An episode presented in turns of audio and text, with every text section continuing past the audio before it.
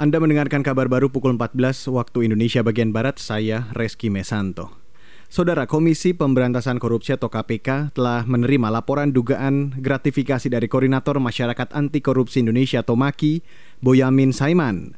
Juru bicara KPK Ali Fikri mengatakan laporan itu akan diverifikasi dan analisa lebih dahulu. Saat ini KPK akan melakukan verifikasi dan analisa lebih lanjut terkait dengan laporan tersebut. KPK tentu mengapresiasi kepada masyarakat yang melaporkan adanya dugaan eh, korupsi dan gratifikasi kepada KPK. Khusus untuk laporan dari Boyamin Saiman ini tentu nanti perkembangannya akan kami informasikan lebih lanjut. Itu tadi juru bicara KPK Ali Fikri. Pada 21 September 2020, Boyamin Saiman mengaku telah menerima pemberian uang 100 ribu dolar Singapura atau sekira 1 miliar rupiah dari beberapa orang yang diduga terkait perkara terpidana Joko Sugiarto Chandra. Ia menyebut sudah menolak namun pemberi uang itu memasukkan uang tersebut secara diam-diam ke dalam tasnya dan beranjak pergi. Ia juga tak mampu mengembalikan uang tersebut ke pemberi awal. Boyamin menegaskan pihaknya merasa tidak berhak menerima uang tersebut.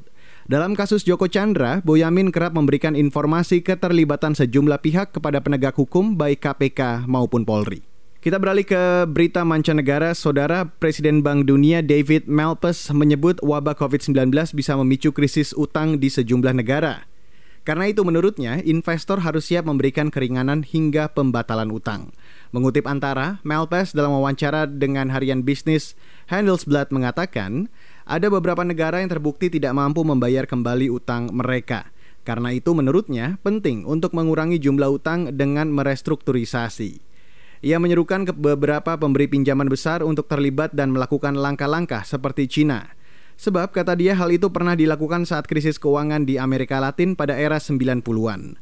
Pandemi disebut membuat 100 juta orang masuk ke dalam kemiskinan ekstrim. Selain itu, wabah juga dapat memicu krisis utang lain karena beberapa negara mengalami pertumbuhan ekonomi negatif. Dari lapangan hijau, saudara Real Madrid menang 2-0 saat bertanding melawan Levante di laga lanjutan Liga Spanyol di Stadion de la Ceramica Senin dini hari tadi. Mengutip antara, dua gol itu disumbangkan Vinicius Junior dan Karim Benzema. Dengan kemenangan ini, Real Madrid menyodok ke posisi puncak klasmen sementara Liga Spanyol pada pekan kelima. Pada pertandingan lain di Liga Jerman, Bayern Munich menang tipis 4-3 lawan Hertha Berlin. Keempat gol kemenangan Bayern dilesatkan Robert Lewandowski. Demikian kabar baru KBR, saya Reski Mesanto.